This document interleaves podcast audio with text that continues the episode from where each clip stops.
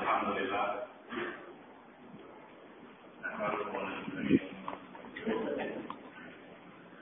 ونعوذ بالله من من يهده الله فلا مضل له ومن يضلل فلا هادي له. أشهد أن لا إله إلا الله وحده لا شريك له. وأشهد أن محمدا عبده ورسوله. يا أيها الذين آمنوا اتقوا الله حق تقاته ولا تموتن إلا وأنتم مسلمون أما بعد Ikhwan Fiddin Rahimani wa rahimakumullah jami'an InsyaAllah kita akan meneruskan kajian kita Kita Bulughul Maram Kita sudah sampai pada pembahasan doa sesudah wudhu Doa sesudah wudhu Dianjurkan bagi orang-orang yang berwudhu Setelah selesai melaksanakan wudhunya Untuk mengajarkan doa kepada Allah Subhanahu Wa Taala Sebab dalam proses wudhu Dia telah menggugurkan kesalahan-kesalahan atau dosa-dosa kecilnya. Maka dalam kondisi di mana dia bersih, lahir dan batin, dianjurkan dia untuk memanjatkan doa. Amalan di dalam Islam, ibadah-ibadah di dalam Islam biasanya diawali dengan doa dan ditutup dan diakhiri juga dengan doa. Kita baca hadisnya dari Umar bin Khattab radhiyallahu anhu. وعن عمر رضي الله عنه قال قال رسول الله صلى الله عليه وسلم. ما منكم من احد يتوضا ويسبغ الوضوء ثم يقول أشهد أن لا إله إلا الله وحده لا شريك له وأشهد أن محمدا عبده ورسوله. إلا فتحت له أبواب الجنة الثمانية. يدخل من أي شاء أخرجه مسلم والترمذي. وزاد اللهم اجعلني من التوابين واجعلني من المتطهرين. Baik. Hadis Umar bin Khattab radhiyallahu anhu, hadis ini adalah hadis Muslim. Ya, hadis riwayat Muslim. Ia berkata, qala Rasulullah sallallahu alaihi wasallam, ma minkum. Ma di sini ma nafiyah. Ya, min ahad minkum min ahadin. Min di sini min zaidah. Artinya tidak ada satu orang pun dari kamu Ma minkum ahadun yatawaddau yang berwudu wa yusbihul wudu. Isbahul wudu artinya ikmalul wudu wa itmamuhu. Ma ila maghabinil a'dha. Yaitu menyempurnakan proses wudu dengan menyampaikan air, mengalirkan air ke seluruh ya permukaan anggota wudu. Ya, yaitu dia cermati dengan teliti air sudah sampai membasahi semua anggota wudhunya. Ini namanya ikmalul wudhu atau israful wudhu. Tidaklah salah seorang dari kamu berwudhu dan dia mem mem menyempurnakan wudhunya. Semua yakul Fayusbihul wudhu ini adalah jumlah yang melengkapi dan memperkuat takkid dari dari kalimat sebelumnya yaitu yatawadda. Ya yatawadda. Wa yusbihul wudu wudu tentunya harus dilakukan secara sempurna. Ya secara sempurna. Nah orang yang tidak menyempurnakan wudunya ya tentunya wudunya tidak sah misalnya ada salah satu dari anggota tubuhnya atau bagian dari anggota wudunya yang belum terbasuh air ya tentunya wudunya belum dianggap sah Sama yakul, kemudian dia berdoa, Ashhadu an la ilaha illallah wahdahu la syarikalah wa ashhadu anna Muhammadan abduhu wa rasuluh. Yaitu dia membaca kalimat tauhid ini, syahadatain. Ashhadu an la ilaha illallah wahdahu la syarikalah wa ashhadu anna Muhammadan abduhu wa rasuluh. Di dalam riwayat Tirmizi ada tambahan Allahumma ja'alni minat tawabin wa ja'alni minal mutatahhirin. Tambahan ini adalah tambahan yang sahih. Ya, boleh ditambahkan dan boleh juga mencukupkan dengan kalimat Asyhadu an la ilaha illallah wahdahu la syarikalah wa asyhadu anna Muhammadan abduhu wa rasuluh. Tambahan ini ada di dalam riwayat Tirmizi dan disahihkan oleh eh, para ulama dahulu maupun sekarang. Di antaranya Syekh Al-Albani mensahihkan tambahan ini. Baik. Apa ganjarannya? Apa balasannya? Futihat illa. Illa artinya ini istisna'un minan nafi. Yang ada di awal kalimat. Min, min ahadin. Illa. Kecuali. Melainkan. Ya ini kalimat istisna. Futihat lahu abu abul jannah. Artinya ini nafi. Ya. Kemudian ada nafi lagi. Artinya pasti siapa saja ya kalau kita artikan dalam bentuk lain ya atau kita rubah kalimatnya dalam bentuk lain siapa saja yang berwudu dan menyempurnakan wudunya lalu dia membaca doa. Asyhadu alla ilaha illallah wahdahu la syarikalah. Wa asyhadu anna muhammadan abduhu wa rasuluh. Atau ditambahkannya. Allahumma ja'alni minat tawabin wa ja'alni minal mutatahhirin. Ya. Pasti akan dibukakan baginya abu-abul jannah at-tamaniyatu. Abu Abul Jannah As-Samaniyatu. As-Samaniyatu dibaca rofa sebagai sifat bagi Abu Ab. Ya. Bukan Abu Abul Jannati As-Samaniyati. Nah, itu salah bacaannya. Kalau dibaca As-Samaniyati. Ya, artinya juga berbeda. Kalau kita baca Abu Abul Jannati As-Samaniyatu, artinya pintu surga yang delapan. Jadi pintu surga ada de delapan. Tapi kalau kita baca Abu Abul Jannati As-Samaniyati, pintu-pintu surga yang delapan. Jadi surganya yang yang delapan. Nah di sini disebutkan pintu surga ada delapan. Wa yadkhulu min. Silakan dia masuk dari pintu mana saja yang dia sukai atau dia kehendaki. Nah, ini apakah ini dikhususkan keumuman ini dengan uh, hadis lain ya seperti pintu Ar-Rayyan. Di sorga ada sebuah pintu namanya Ar-Rayyan. Tidak ada yang masuk dari pintu itu melainkan orang-orang yang yang rajin dan dan gemar berpuasa. Yang banyak berpuasa. Tidak ada yang masuk dari situ kecuali orang yang rajin berpuasa. Nah, ini dinafikan masuk dari pintu Rayyan selain orang yang yang berpuasa. Nah ini ini umum juga. Nah itu khusus. Maka yang umum dibawakan kepada yang yang khusus. Artinya apa? Silakan dia masuk dari pintu mana saja selain pintu Ar-Rayyan. Ya, karena Ar-Rayyan tidak bisa dimasuki kecuali orang-orang yang rajin berpuasa. Kecuali orang ini juga rajin ber, berpuasa, maka dia boleh masuk dari pintu Rayyan ya dari dua fadilah.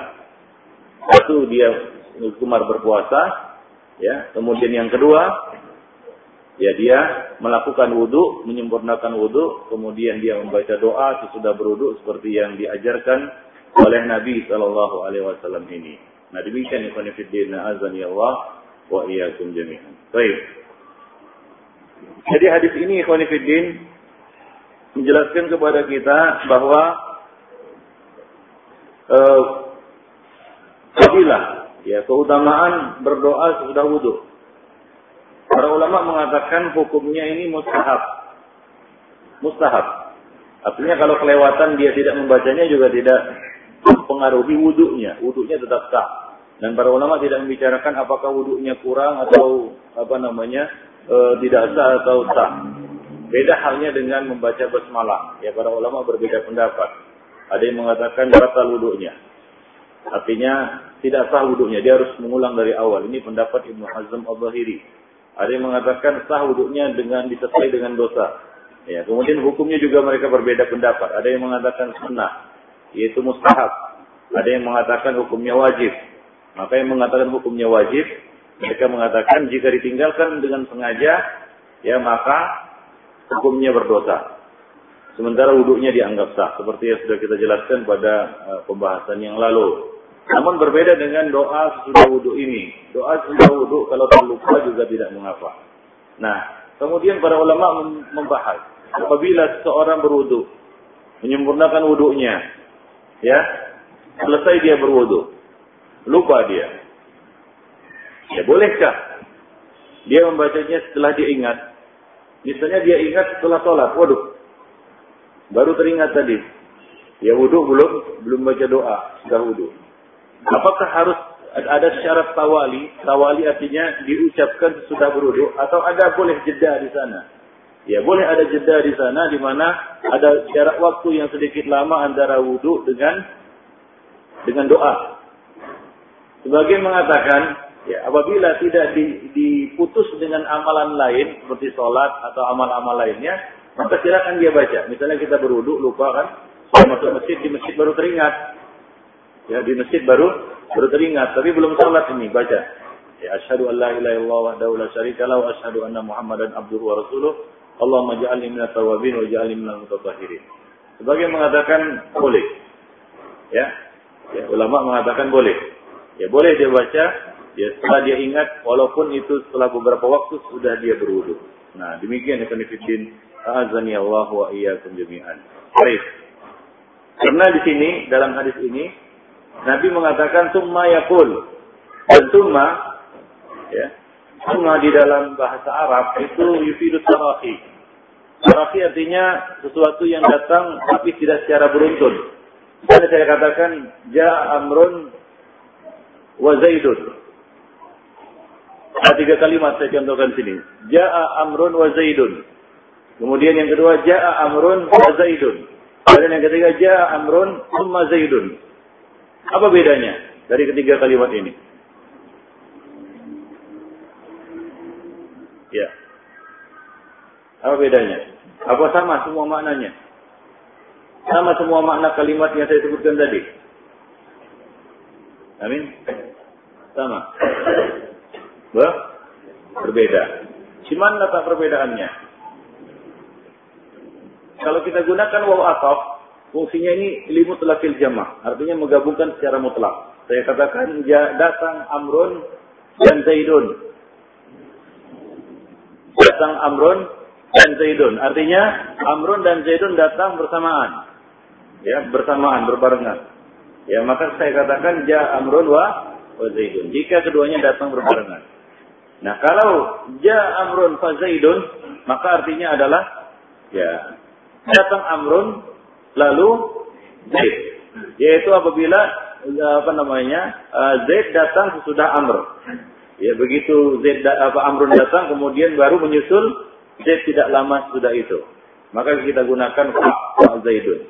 Ya, ja Amrun fa Zaidun. Nah, kalau ja Amrun tumma Zaidun maknanya bagaimana jadinya? Datang Amrun, kemudian mungkin ya satu jam kemudian, ya, mungkin dua jam kemudian baru datang si Zaidun. Kan begitu? Nah di sini Nabi mengatakan Ya barang siapa ya hadis itu minkum min ahadin yatawaddau wa yusbighul wudu'a. Summa. Nah, Nabi SAW menggunakan kata-kata summa dalam riwayat mayoritas riwayat itu disebutkan dengan kata summa. Summa artinya ditarafi. Artinya dari situ dapat kita ambil faedah hukum apa itu? Apabila ya seorang lupa membaca doa sesudah wudhu, ya lalu e, berselang beberapa waktu kemudian maka dia boleh untuk membacanya. Janganlah dia tinggalkan. Ya, misalnya dia, berwudu sampai di masjid, ya baru teringat, kan begitu ya? Baru teringat, ya sudah agak-agak lama, baru teringat dia belum baca doa, bacalah doanya. Demikian. Nah, sebagian mengatakan lagi kalau dia diputus dengan amalan lain, maka habislah. Ya, dia tidak perlu membaca doa lagi. Nah, demikian ikhwan fillah, azani Allah wa iyyakum jami'an. Nah kemudian ada beberapa faedah yang bisa kita petik dari hadis ini. Ya hadis ini menginformasikan kepada kita. Ya hadis ini memberitakan kepada kita bahwa pintu sorga itu ada tujuh. Ada ada delapan. Ya pintu sorga itu ada delapan. Ya pintu-pintu e, ini telah dijelaskan di dalam beberapa hadis. Ya di antaranya di dalam kitab Sahihain. Ya di sana ada babus salat ada babul jihad, ada babus siam, ada babus sedekah. Ya, ada bab sedekah. Di dalam Musnad Imam Ahmad dan lainnya ada bab al-kadzimin al-ghaib. Bab orang-orang yang menahan amarahnya, menahan emosinya. Ya, ini fadilah orang yang menahan emosi. Kadzim artinya menahan, menahan diri dari apa? Meluapkan emosinya. Ya, karena demikianlah. Ya, kadang-kadang banyak sekali perkara yang membuat emosi. Ya, nah orang-orang yang kazimin yang punya sifat ya bisa menahan ya selalu bisa menahan emosinya maka ada pintu khusus untuk mereka namanya babul kazimin bil ghaib kazimin al ghaidha kemudian bab al mutawakkilin ini khusus orang-orang yang bertawakal yang tinggi nilai tawakalnya kepada Allah Subhanahu wa taala tingkat tawakalnya kepada Allah Subhanahu wa taala. Masuk ke dalam surga melalui bab mutawakkilin babul mutawakkilin Nah di sana ada babu zikri, bab orang-orang yang banyak berzikir. Ya, tidak ada dalam amalan yang Allah Subhanahu wa taala perintahkan untuk diperbanyak melainkan zikir. Wadkurullaha dzikran katsira. Dan berzikirlah kamu kepada Allah dengan zikir yang banyak. Namun banyak di sini ini uh, harus di, uh, dilakukan dan dipraktikkan dengan sunnah Rasulullah Shallallahu Alaihi Wasallam. Bukan zikir sufi, yang melakukan zikir tanpa apa namanya tanpa tuntunan ya, tanpa prosedur syar'i. Kemudian di sana bab taubah. Bab at-taubah. Bab yang dimasuki oleh orang-orang yang benar taubatnya. Ya, orang-orang yang benar taubatnya, yaitu orang yang ya apa namanya? bertaubat banyak bertaubat kepada Allah Subhanahu wa taala dan melaksanakan syarat-syarat taubat dan konsekuensi dari taubat. Nah, demikian ya Fiddin rahimani wa rahimakumullah jami'an. Sebagaimana juga surga itu ada ada ada berapa? Ada delapan tingkat. Demikian. Ada yang tertinggi adalah surga al-firdaus al-a'la. Baik. Nah, kemudian ada tambahan di dalam riwayat Tirmizi. Allahumma ja'alni minat tawabin wa ja'alni minal mutatahhirin. Ya Allah, jadikanlah aku termasuk orang-orang yang tawab, yang banyak bertaubat. Ya. Nabi Wasallam memuji orang-orang yang banyak bertaubat. Ya. Kullu bani Adam khata wa khairu khata'ina at-tawwabun. Baik-baik manusia adalah yang banyak-banyak bertobat. Jadi eh, di sini di dalam doa ini tambahan ini kita minta kepada Allah, Allahumma, yaitu ya Allah, ij'alni, jadikanlah aku minat tawabin. Termasuk ya, minat tawabin termasuk orang-orang yang banyak bertobat. Bertobat tentunya tidak harus menunggu kita sadar berbuat dosa seperti yang sudah sering kita jelaskan Ya, taubat itu bukan harus menunggu kita sadar berbuat dosa. Ya, setiap hari, setiap saat kita terus harus bertaubat kepada Allah Subhanahu wa taala. Disadari atau tidak dosa kita. Ya, kita sadari atau tidak kita berdosa. Ya, karena manusia itu pada hakikatnya memang banyak berdosa, kan begitu. Nah kemudian waj'alni minal mutatahhirin dan jadikanlah aku orang-orang yang mutatahhirin yang membersihkan diri Ya, baik itu lahir maupun batin, jasmani maupun rohani. Muslim itu harus bersih luar dalam, bersih jasmaninya dan bersih rohaninya. Bukan hanya bersih jasmani, tapi juga bersih rohani. Dan sarana pembersihan jasmani salah satunya adalah wudhu. Dengan berwudhu, kita membersihkan jasmani kita. Nah, setelah berwudhu kita doa minta kepada Allah, Waja'alni minal mutatahhirin. Jadikanlah aku termasuk orang-orang yang suka bersih bersih, yaitu membersihkan apa namanya lahirnya dan dan batinnya. Nah demikian ikhwan fillah, azani Allah wa iyyakum jami'an. Jadi janganlah kita apa namanya melewatkan doa yang apa namanya agung ini, ya. Dan ini mudah untuk dilakukan, untuk diamalkan. Baik. Dan hadis ini juga menjelaskan kepada kita e, masyru'iyatu isbagil wudu. Ya, disyariatkannya menyempurnakan wudu ya menyempurnakan wudhu dengan memenuhi syarat-syaratnya atau menyempurnakan wudhu dengan makna yaitu melakukan yang afdal. Misalnya pencucian, ya. Kalaulah diringankan bisa satu kali, maka dia mencucinya, membasuhnya tiga, tiga kali. Tiga kali. Kemudian disertai dengan menggosok, walaupun dia tidak berbulu. Ya kan tidak wajib bagi orang yang tidak berbulu tebal untuk menggosoknya, tapi dia gosok juga. Ini namanya isbab. Ya. Dan memastikan bahkan melebihkan dari batas yang disyariatkan oleh Allah Subhanahu wa taala seperti yang diriwayatkan dari Abu Hurairah radhiyallahu radhiyallahu anhu. Nah, ini maksud maksud dari isbab. Walaupun mencukupkan kadar yang disyariatkan saja juga sudah sudah boleh, tapi lebih afdal dia menyempurnakannya. Wallahu a'lam bishawab. Demikianlah ikhwan fillah rahimani wa rahimakumullah jami'an. Nah, kemudian satu faedah lagi di dalam doa itu Rasulullah Shallallahu Alaihi Wasallam mengajarkan kita doa Ashhadu alla ilaha illallah. Yang namanya syahadat, kesaksian itu selalu dalam bentuk tunggal. Bentuk tunggal artinya khitab untuk mutakalim. Ashhadu, aku bersaksi. Tidak nashhadu, kami bersaksi. Jadi kalimat tauhid ya adalah kalimat yang harus dipersaksikan oleh seorang muslim secara pribadi. Artinya ya tidak boleh dia mewakilkan ya persaksian ini kepada orang lain. Ya. Tidak boleh dia persaksikan apa namanya dia wakilkan persaksian ini kepada orang lain. Maka dari itu tidak ada perwakilan di dalam syahadat. Saya mau masuk Islam diwakilkan sama si fulan, nggak bisa. Adapun amal-amal lain ada yang bisa diwakilkan, ya, seperti misalnya haji, puasa, ya, puasa nazar, ya tidak bisa dilakukan maka diwakilkan kepada yang yang bisa melakukannya, misalnya tidak bisa karena wafat kan begitu ya. Demikian juga haji ada badal haji dan seterusnya. Tapi syahadatnya ini tidak bisa digantikan dan tidak bisa diwakilkan kepada yang lain Ibn Baik. Dan kalimat tauhid itu adalah majmu' ya kumpulan dari syahadat La ilaha illallah dan syahadat Muhammadun Rasulullah. Ya, fala takfi ahaduhuma anil ah, anil ukhra. Ya, kedua kalimat syahadat ini saling melengkapi. Ya, saling melengkapi. Tidak bisa dipisahkan. Tidak ada apa namanya persaksian hanya bersaksi la ilaha illallah saja, tapi dia tidak bersaksi Muhammadur Rasulullah. Tidak sah juga keimanannya. Atau orang yang bersaksi Asyhadu anna Muhammadan Muhammadar Rasulullah tapi tidak bersaksi asyhadu alla ilaha illallah. Jadi adalah dua kalimat yang terangkai menjadi satu. Maka para ulama menyebutnya ini adalah syahadatain. Ya, syahadatain dua dua persaksian. Ya, persaksian eh, apa namanya? ubudiyah kepada Allah Subhanahu wa taala dan persaksian risalah rasulan untuk nabi kita Muhammad sallallahu alaihi wasallam. Ya tidak akan sah Islam seseorang hingga dia bersaksi dengan dua persaksian ini. Demikian Ibn Fiddin. A'azani Allah wa iyyakum jami'an. At-Tibi mengatakan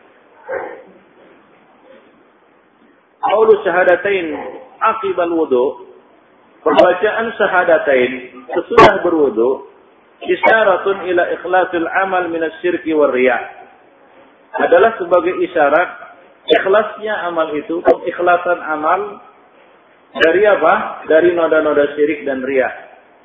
Ya dari noda-noda syirik dan, ria. Mungkin ada orang yang berwudu dengan tujuan ria. Ya, sengaja dia memperlihatkan itu kepada manusia.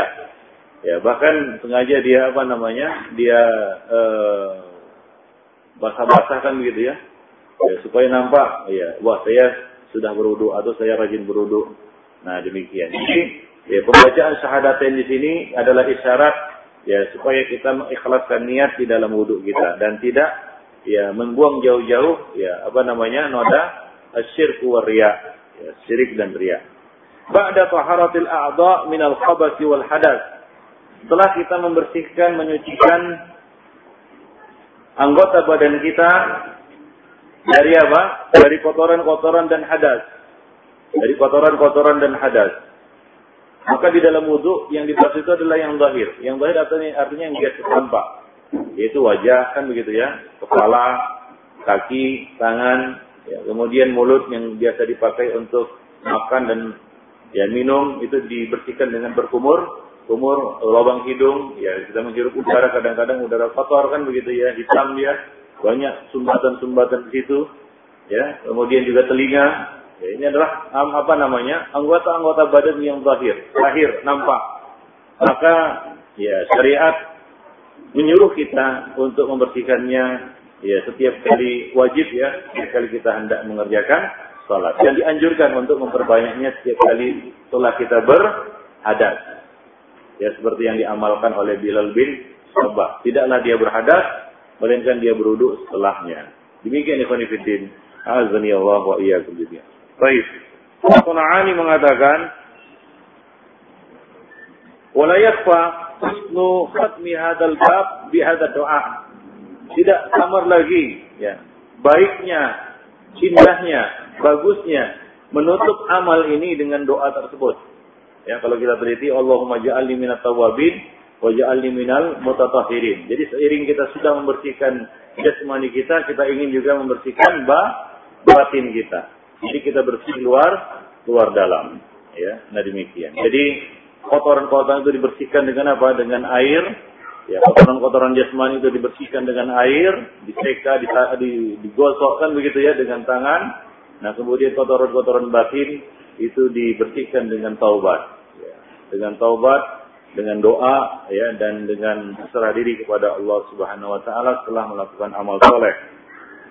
Ikhwan Fiddin Ibn Qayyim al-Jauziyah mengatakan, kullu hadisin fi adkaril wudu allati taquluha al-amah inda kulli adwin bidu'ain la aslalaha. Nah, setiap hadis yang menyebutkan zikir wudu yang dibaca setiap kali menyapu atau mengusap anggota badan atau atau anggota wudu adalah la aslalaha. Wa hadis mukhalaqah makdubah. Dan hadis-hadis yang diada-adakan dipalsu dan dusta. Yaitu ketika membasuh membasuh apa namanya wajah. Ya apa mencuci wajah ada doanya. Kemudian mencuci tangan ada doanya. Ya mengusap kepala ada doanya. Eh, mencuci kaki ada doanya. Ya. Yang susah dia berkumur-kumur bagaimana dia doa? Coba tanya kepada mereka gimana waktu kumur-kumur berdoa dia atau masukkan air ke hidung dan mengeluarkannya ya jadi tidak ada, tidak ada hadis yang sahih di dalam bab ini yang menjelaskan tentang apa doa setiap kali membasuh anggota wudhu. Adapun hadis di dalam bab ini tidak lepas dari apa namanya tadaifan. Ya, Ibnu Qayyim mengatakan ya kalau tidak mukhtalafah makdubah. Diada-adakan palsu atau dusta. Maudhu la aslalaha. Jadi demikian di Ya, begitu tidak ada. An-Nawawi mengatakan Ya, berkaitan dengan masalah ini juga al-adiyah di asna'il wudu la aslalaha. Doa-doa ketika ya, di tengah-tengah wudu itu tidak ada asal usulnya. Ya, doa-doa yang dibaca oleh kebanyakan orang-orang awam ya, di tengah-tengah wudu, di sela-sela wudu itu la aslalaha, tidak ada asal usulnya. Ya, doa itu ya di awal baca basmalah, di akhir dengan membaca yang kita bacakan tadi, doa yang diajarkan oleh Rasulullah Shallallahu Alaihi Wasallam. Atau di tengah-tengah itu tidak ada, ya, tidak ada ketika membaca apa namanya mengusap telinga atau membasuh wajah, baca doa doa tertentu itu tidak ada. Walam yaskurha al mutaqaddimun. Tidak ada ulama-ulama terdahulu yang menyebutkannya. Ya demikian juga Ibnu Salah mengatakan lam yasih fihi hadis tidak ada satu hadis pun yang sahih di dalam bab ini. Itu di dalam bab doa-doa di antara wudhu atau di sela-sela wudhu. Nah, diriwayatkan dari Ali bin Abi Thalib dari beberapa jalur, hanya saja ya doi fahjid dan jalur-jalur itu sangat lemah sekali. Ya, sangat lemah sekali. Jadi tidak ada uh, yang sahih sama sekali di dalam bab ini, Jadi kita tinggalkan itu ya.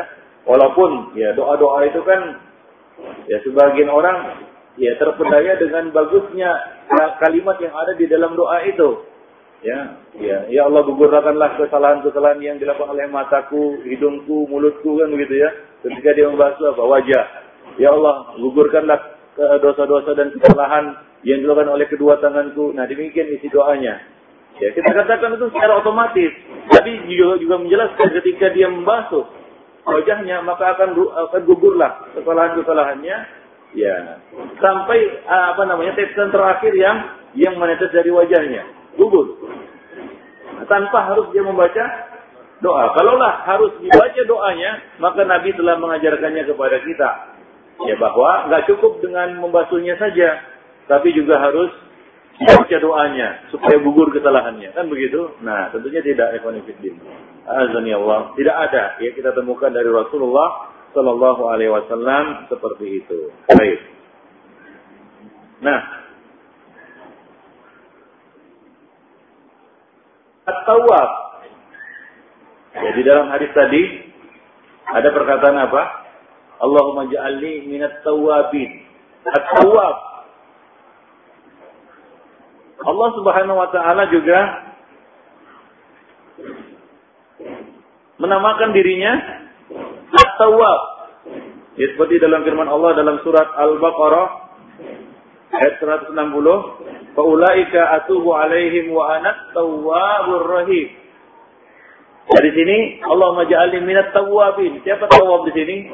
Makhluk. Siapa tawaf yang uh, tawaf yang disebutkan di dalam firman Allah surah Al-Baqarah ayat 160 tadi? Siapa? Allah. Lalu bagaimana ini? Tawaf. Nama untuk Allah dan nama juga untuk makhluk. Begitu. Apakah ada uh, persamaannya atau ya berbeda? Ya jelas ber berbeda. At-Tawwab adalah nama dari nama-nama Allah Subhanahu wa taala. Allah Subhanahu wa taala juga menamakan dirinya At-Tawwab, ya. Dan manusia juga disebut Tawwab, ya. Akan tetapi istirak ini, ya, apa nama makna uh, lafal mustarik ini, uh, kalimat kata yang mustarik ini hanya dari sisi lafal saja. Istirakun fil lafzi la fil makna. Lafalnya mustarik, tapi maknanya berbeda, mutabayin. Ya, lafalnya mustarik, tapi maknanya mutabayin. Mutabayin artinya berbeda, ya, berbeda. Baik. Adapun dari sisi makna, Allah Subhanahu wa taala mensifatkan dirinya bi annahu tawwab. Bahwa dirinya Allah Subhanahu wa taala adalah tawwab. Ya dalam firman-Nya dalam surah Al-Baqarah ayat 160, "Faulaika atubu alaihim wa ana tawwabur rahim." Yakni maksudnya maknanya adalah analladzi waffiqu ibadi taubah akulah yang memberi taufik hamba-hambaku untuk bertaubat. Itu maksud dari kata tawab artinya aku memberi taufik ya kepada hamba-hambaku untuk bertaubat. Nah itu makna dari nama Allah at-tawwab. Ai uwaffi analladzi uwaffiqu ibadi lit-taubah akulah yang memberikan taufik kepada bimbingan, tuntunan, arahan ya. Ya. Kepada hamba-hambaku litaubah untuk bertaubat wa aqbaluha minhum dan aku menerimanya dari mereka. Ini makna ya Allah Subhanahu wa taala ya nama Allah Subhanahu wa taala At-Tawwab. Demikian. Ibadahu dan Allah Subhanahu wa taala juga mensifatkan uh, hamba-hambanya juga dengan taubat. Seperti dalam firman Allah Subhanahu wa taala surah Al-Baqarah ayat 222, "Innallaha yuhibbut tawwabin wa yuhibbul mutatahhirin." Innallaha yuhibbut tawwabin. Allah Subhanahu wa taala menyukai orang-orang yang bertaubat, yang banyak bertobat. Maknanya adalah mawasahum bi kasratir ruju' ila Allah. Maknanya adalah kasratur ruju' ila Allah, yang banyak kembali kepada Allah. Karena hakikat taba, taubat dari kata taba yatubu, ay raja'a. Anaba. Anaba ay raja'a. Ya, kembali. Ala ilaihi. Kembali kepa kepada asalnya. Kembali kepada Allah subhanahu wa ta'ala. Jadi maksud dari tawab untuk makhluk adalah kasratul ruju ilallah. Ya, yang banyak rujuk kembali kepada Allah Subhanahu wa taala. Nah demikian. Imma asa ay ay yabdu ayabdu an minhum min ad-dunub. Ya, yang di mana mereka ya mungkin melakukan banyak dosa. Ya, ayabdu minhum min ad-dunub. Mungkin mereka melakukan banyak dosa, dosa-dosa yang telah mereka lakukan. Maka dari situ mereka banyak merujuk ataupun bertaubat kembali kepada Allah Subhanahu wa taala. Baik, nah itulah dia beda antara apa? At-tawab dan tawab li lil makhluk atau lil ibad, lil abdi. Baik, bukan fitin rahimani wa rahimakumullah. Nah, ber, ber, berbicara tentang taubat. Apa hukum taubat?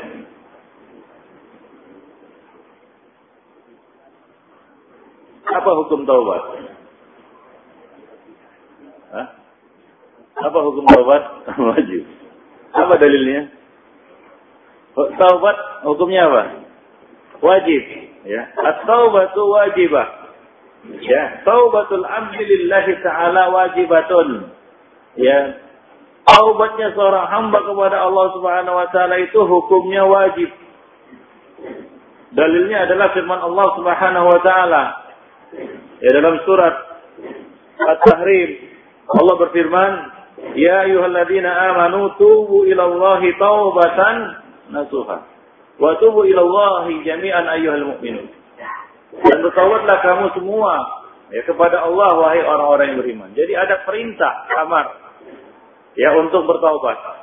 Dan hakikat satu perintah adalah wajib. Maka kita wajib bertaubat kepada Allah Subhanahu wa taala. Hanya saja pengertian taubat karena taubat itu sudah jadi bahasa kita, taubat kan begitu ya. Taubat gitu. Ya kan sudah jadi bahasa Indonesia ya. Jadi pengertian taubat dalam bahasa Indonesia itu kalau buat salah taubat kan begitu. Nah, kalau sudah ada kapok kan itu makan cabai kapok taubat. Namanya taubat sambal kan begitu. Nah, itu pengertian taubat ya di dalam bahasa Indonesia.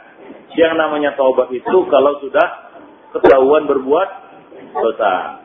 Ya kita katakan, ya tadi sudah kita singgung juga bahwa bertaubat ini tidak harus ya seorang itu menyadari berbuat kesalahan. Taubat itu setiap saat. Di dalam banyak ayat Allah Subhanahu wa taala menyuruh kita untuk bertaubat dalam dua bentuk. Taubat dari maksiat yang kita lakukan dan taubat secara mutlak.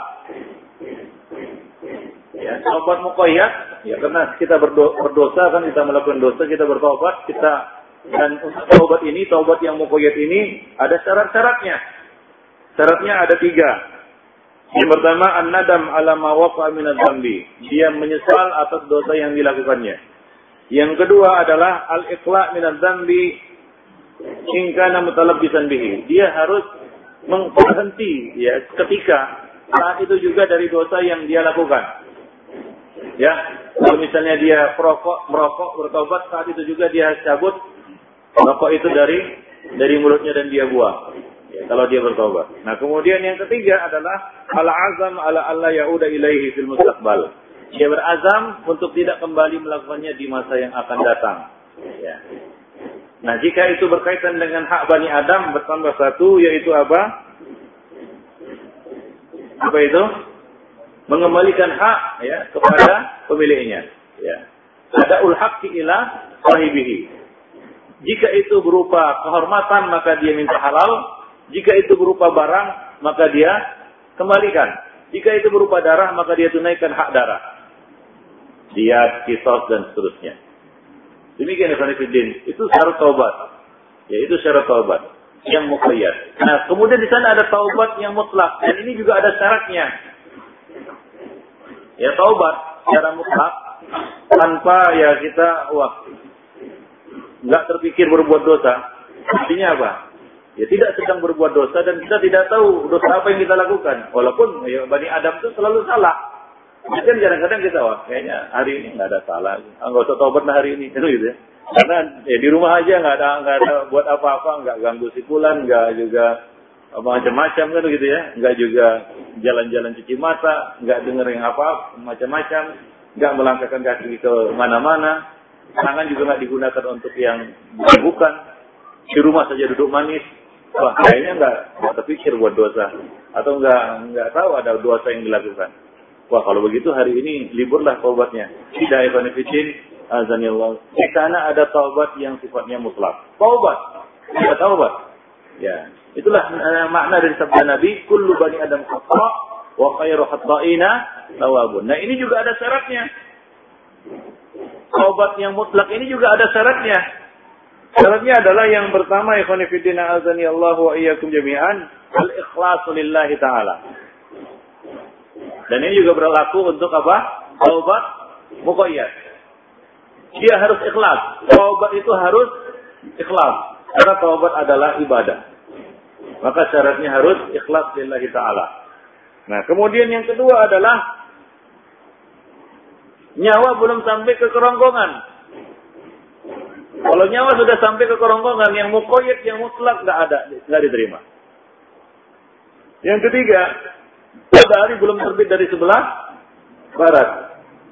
Kalau matahari sudah terbit dari sebelah barat, maka tidak ada taubat mutlak maupun mu muqayyad. Nah itu dia syarat-syaratnya Fanifidin rahimani wa rahimakumullah jami'an. Jadi di sini kita berdoa, ya Allah jadikanlah aku hamba yang banyak bertaubat. Muqayyad maupun mutlak. Taubat yang muqayyad maupun taubat yang mutlak Fanifidin. Azan ya Allah wa iyyakum jami'an. Baik. Itulah dia doa yang dibaca sesudah kita selesai berwudu. Nah, kita tinggalkan bab wudhu selesai ya mulai dari awal sampai kita membaca doa sudah berwudhu. Nah, nah kita kita lanjutkan bab yang berikutnya yaitu bab al-mashu al khufain. Bab mengusap ya al-khuf. Khuf itu sayang nggak terbeli waktu haji kemarin karena nggak ada yang bagus, nggak ada yang dari kulit. Ada yang dari kulit mahal juga, nggak terbeli juga. Khuf adalah sarung kaki seperti sarung tangan terbuat dari kulit. Tapi bukan syarat dari kulit. Boleh juga dari yang lainnya. Disebut juga khuf. Ya, disebut, disebut juga khuf. Ya, biasanya dipakai oleh manusia atau oleh eh, orang-orang uh, pada saat musim dingin. Ya, di mana kaki itu sangat dingin, ya, lantai juga dingin, maka mereka mengenakan khuf. Mereka mengenakan khuf atau mereka pakai untuk perjalanan, untuk safar. Nah, orang-orang Arab menggunakan ini untuk perjalanan mereka. Nah, di sana ada keringanan yang diberikan oleh syariat. Ya, karena ada kaidah, ya, idza daqal amru ittasa. Ya, jika apa namanya? Jika daqal amru ittasa. Ya, jika sudah sempit satu urusan ya bagi kita, bagi manusia, maka bisa menjadi lapang secara otomatis dengan dengan kaidah darurat atau kaidah rukhsah Ya. Keringanan itu ada dengan kaidah darurat dan ada kaidah ruh rukhsah. Nah ini rukhsah. Rukhsah untuk tidak membuka khuf ketika berwudu untuk membasuh kaki. Jadi tidak perlu dibuka khufnya. Cukup apa? Diusap. Nah kadang-kadang kemudahan ini sering diabaikan oleh manusia.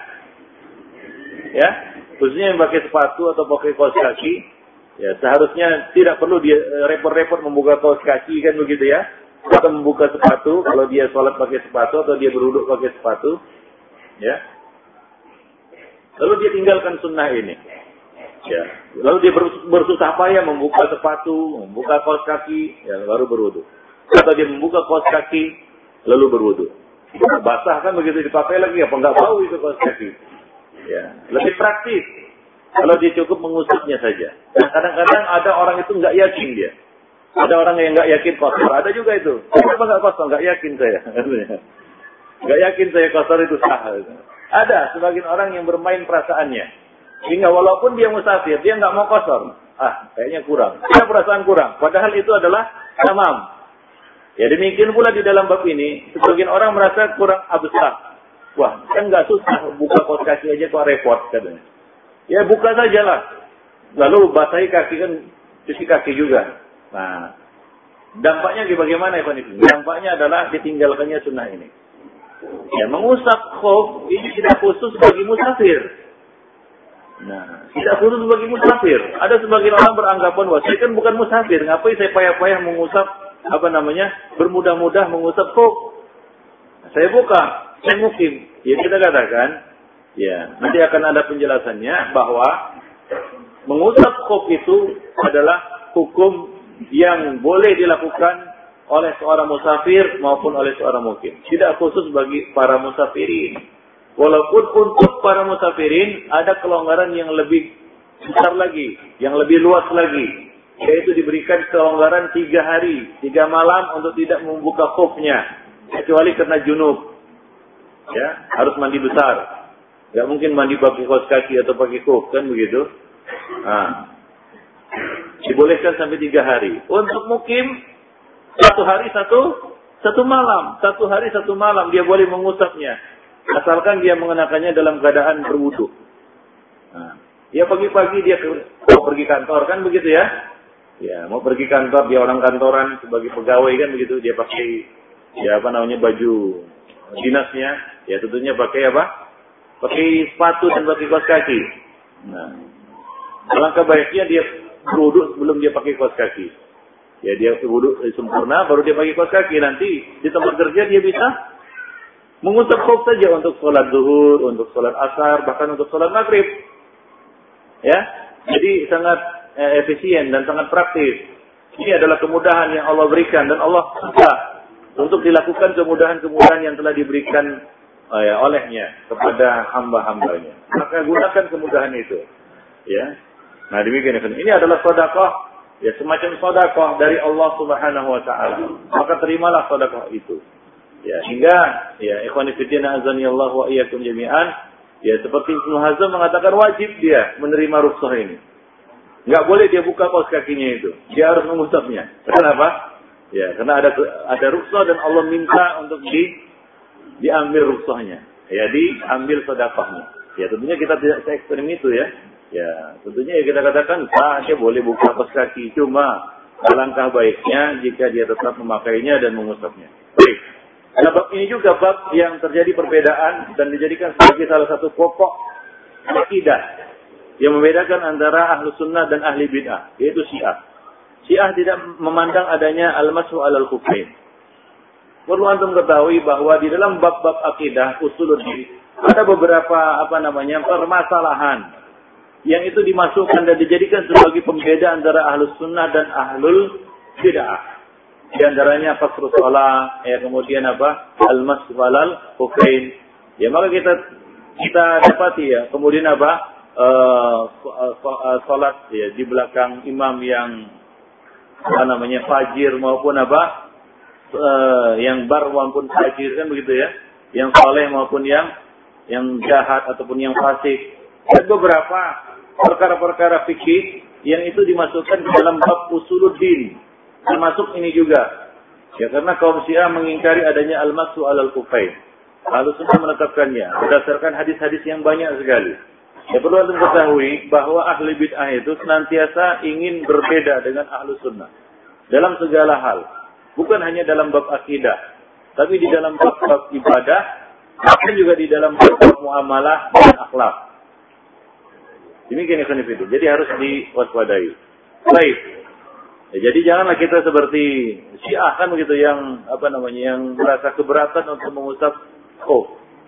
Ya. Dan harus dibuka khufnya. Sudah harus dibuka kaos kakinya, harus dibuka sepatunya. Baik. Ya, kita akan jelaskan bab ini. Sebelumnya kita jelaskan apa maksudnya al-masah alal khufain. Al-masah secara bahasa maksudnya adalah imrarul yadi yadi ala syai. Itu artinya masah. Masah adalah imrarul yadi ala syai. Melewatkan ya, tangan pada sesuatu. Ya, kalau saya melewatkan ataupun me, apa namanya, mengusap ya, tangan ini atau sesuatu itu dinamakan masa. Ya, ini dinamakan masa. Bukan harus begini. Ya, melewatkan tangan atau sesuatu, tangan di sini ya itu jari ya, telapak tangan, jari termasuk tangan. Pada sesuatu itu dikatakan masa. Secara bahasa ya. Secara syar'i adalah secara syar'i Isabatul yadi al-mubtallah bil ma' lihailin makhsus fi zamanin makhsus yaitu membasahkan tangan dengan uh, air ya lalu diusapkan kepada penghalang tertentu pada zaman tertentu penghalang tertentu di sini yaitu kaos kaki khuf ataupun sepatu waktu tertentu yaitu satu hari satu malam bagi mukim dan tiga hari tiga malam bagimu musafir. Itulah pengerti, pengertian dari al-mashu ya secara uh, secara syar'i. Baik. Nah, kemudian al-khuf. Nah, di sana ada nanti bab al-mashu alal jawrobain ya. Ya, masah dia mengusap jawrobain. Jawrobain artinya apa? Eh, kaos kaki ya. Nah, ada nanti. Al-khuf secara bahasa adalah untuk tunggal dari khifaf. Allati tulbasu talbasu rajulu tulbasu ala rajul ala ala rijli afwan. Allati tulbasu ala rijli. Yaitu yang dipakaikan pada kaki. yang dipakai di kaki. Itu namanya khuf. Isumnya bidzalika li khifatihi. Ya. Disebut dia khuf karena dia khifah, ringan. Ya lebih ringan daripada sepatu. Yang jelas khuf itu lebih ringan dari sepatu. Ya, ada khuf itu yang bisa dipakai jalan-jalan keluar karena tapaknya itu terbuat dari kulit. Ya, seperti sepatu. Tapi khuf yang ada sekarang ya yang di Mekah itu banyak terbuat dari kulit sintetis. Ya, kalau kita pakai keluar gitu, ya bolong-bolong dia sebentar saja. Tapi khuf yang lama yang dulu itu terbuat dari kulit yang relatif lebih kuat, kan begitu ya? Dan lebih elastis, lebih enak dipakai, lebih dingin, sejuk dia kaki itu di dalam.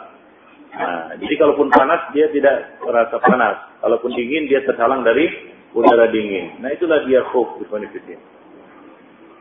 Tapi secara syar'i adalah asatiru lil qadamaini ila kummaini fa'aksar minjil eh, minjildin awa ghairihi yaitu penutup kedua telapak kaki sampai al-ka'bain ya sampai ka'bain yaitu ka'bain itu mata mata kaki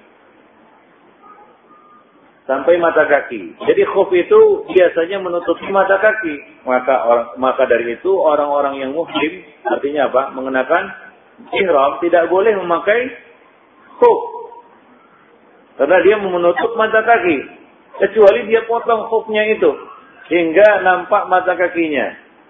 Ya, kecuali dia, dia potong khufnya itu hingga menampakkan mata kakinya. Nah, susahnya kalau khuf dipotong bawahnya ya rusak ya, begitu. Atau ada khuf yang model baru yaitu khuf yang hanya depannya saja tertutup, belakangnya terbuka. Itu model juga itu di ada modelnya juga sekarang.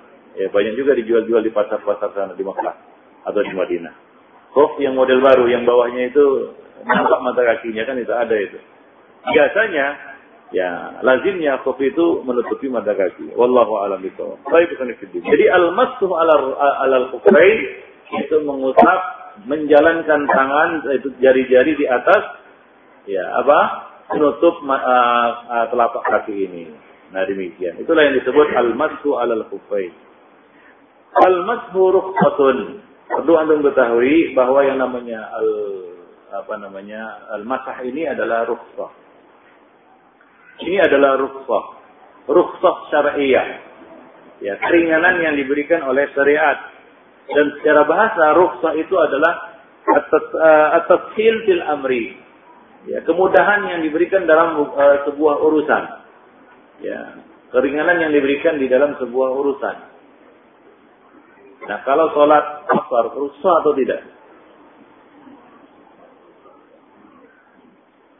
Dari satu sisi dia rukhsah karena Allah Subhanahu wa taala juga menyebutnya rukhsah keringanan dan dari sisi yang lain dia adalah sunnah, artinya lazim, wajib. Ya, dia adalah uh, apa namanya? azimah. Apa? Azimah. Lawan dari rukhsah. Jadi, untuk kosor salat dia rusuh secara bahasa, tidak secara syar'i.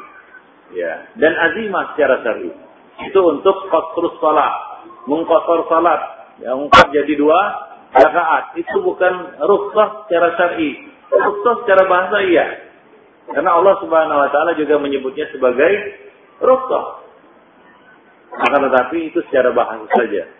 Secara syar'i mengkosor salat itu adalah azimah. Apa maksudnya azimah? Itulah dia. Ya yang disyariatkan Allah atas hambanya. Ya. Yang disyariatkan Allah atas hambanya. Dua rakaat. Dalilnya adalah riwayat Aisyah radhiyallahu anha. Dia mengatakan furiyatis salatu rakaatain rakaatain ya. Fa ukhirat fi safar wa zida fil hadar salat itu awal mula diwajibkan itu dua rakaat dua rakaat jadi sholat awal mula diwajibkan, diturunkan itu dua rakaat, dua rakaat. Ya, kecuali maghrib itu merupakan witrun nahar, witirnya siang hari dikerjakan tiga rakaat, yang lainnya dua rakaat, zuhur, asar, ya kemudian isya itu dua rakaat. Ya. Terakhir fil safar dan ya hukum ini ditetapkan tetap dijalankan pada sholat-sholat safar dua rakaat dua rakaat wazida hadar ditambah ya dua rakaat dua rakaat lagi untuk apa namanya kondisi uh, hadar yaitu di saat kita mungkin nah demikian kecuali sholat subuh tetap dua dua rakaat. Jadi dia azimah. Nah demikian Fiddin. Baik. Secara syar'i yang dimaksud dengan rukhsah adalah bata ala khilafi dalilin syar'i di mu'aridin rajih. Yaitu yang ditetapkan sesuatu yang ditetapkan berbeda dengan dalil syar'i. Ya, khilafi dalilin syar'i li mu'aridin rajihin karena adanya mu'arid. Aridun, arid artinya ada penghalang. Ya, Ibnu Taimiyah mengatakan ya berkaitan dengan apa namanya? Eh jamak, jamak salat, rukhsatun aridatun. Rukhsah aridah. Rukhsah karena ada aridah. Aridah artinya penghalang. Ya, bisa bisa hambatan ya, hambatan atau penghalang. Ya bisa karena sakit, safar atau sedang dalam keadaan sibuk kan begitu ya, hingga dia perlu untuk menjamak. Demikian pula di dalam bab ini dia adalah rukhsah. Sesuatu yang berbeda dengan dalil syar'i. Dalil syar'i menunjukkan kita harus membasuh kaki. Tapi diberikan rukhsah kita boleh mengusapnya saja tanpa membasuhnya. Demikian ikhwan fillah azan ya Allah wa iyyakum jami'an. Baik. Al-Hasan al-Basri mengatakan Haddatsani sab'una min ashabi Rasulillah sallallahu alaihi wasallam annahu sallallahu alaihi wasallam masaha ala khuffaihi. Ya, telah menceritakan kepadaku 70 orang sahabat Rasulullah mereka semua menginformasikan, memberitakan bahwa Nabi Shallallahu Alaihi Wasallam mengusap dua kufnya, mengusap kuf beliau. Maka dari itu para ulama mengatakan eh, hadis-hadis al-masru alal kufain itu mutawatir. Bahkan mutawatir di sini bukan mutawatir makna lagi, mutawatir lafzi dan maknawi. Ya, semua menginformasikan dengan lafal yang satu dan makna yang satu bahwa Nabi al-masaha ala kufain. Nabi mengusap kuf beliau. Demikian. Oleh Imam Ahmad mengatakan laisa fi nafsi minal masih sayun. Fihi arba'una hadisan minan Nabi wasallam. Tidak ada ganjalan dalam hatiku di dalam masalah ini untuk menetapkannya. Ya, karena telah diriwayatkan dari lebih dari apa? Arba'una hadisan, 40 hadis dari Rasulullah wasallam.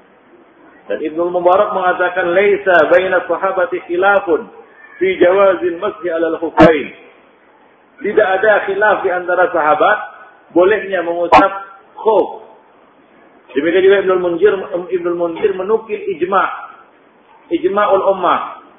Ijma uh, ijma'ul ummah ala jawazihi. Umat telah sepakat bolehnya mengusap khuf. Wattafaqa alaihi ahlus sunnah wal jamaah. Yang disepakati oleh seluruh ahlus sunnah wal jamaah. Kecuali Syiah. Syiah menyelisih ahlus sunnah wal jamaah di dalam bab ini. Ya, nah demikian. Konfidin azan ya. Jadi apa makna dari apa penyebutan e, perkataan ucapan dari para ulama tadi? Ini menunjukkan bahwa mereka sepakat di dalam bab ini. Ya, sengaja mereka menyebutkan bab ini karena terjadi ya, perpecahan di kalangan kaum muslimin, ya, perselisihan di kalangan kaum muslimin disebabkan masalah ini. Ya, khususnya ada yang datang dari mana? Dari kaum Syiah yang menyelisihi syariat ini, ya, yang menyelisih masalah ini. Baik. Nah, di sini ada beberapa hadis. Baca hadis yang pertama.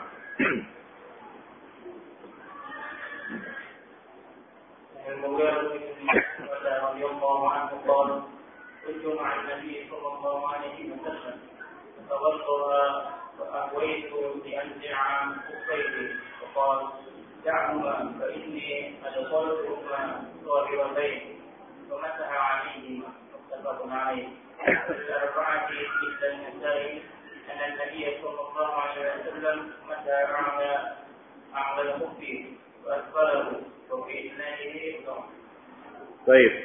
Nah, ini ada apa mobil BK 1108 16 atau 11 1108 HR Honda Supra BK 4039 XG tolong geser mungkin ada yang menghalang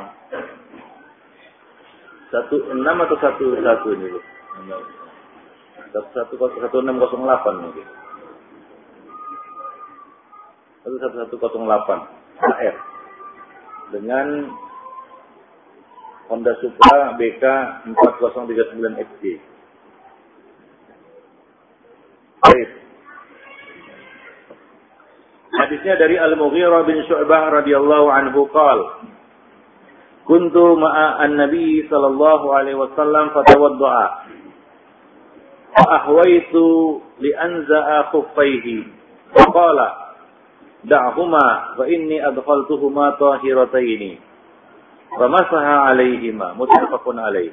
Walil arba'ah anhu illa an-nasa'i dan riwayat yang empat yaitu uh, Tirmizi, Abu Daud, Nasai dan Ibnu eh, dan Ibnu Majah, tapi di sini dikeluarkan An-Nasai. Jadi tiga saja, yaitu Tirmizi, Abu Daud dan Ibnu Majah.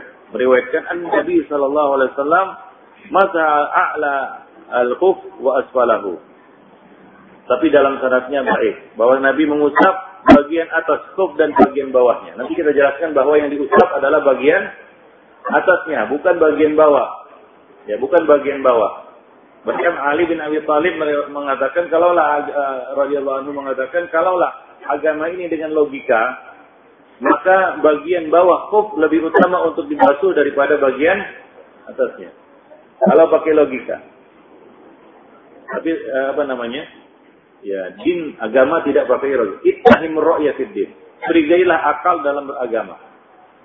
Ya, curigailah akal di dalam ber beragama. Apalagi di dalam bab-bab atau perkara-perkara gaib yang tidak masuk akal di dalamnya, yang tidak bisa diakal-akali, yang tidak apa namanya, yang tidak uh, dapat dicapai oleh akal, ya, yang tidak dapat dicapai oleh akal.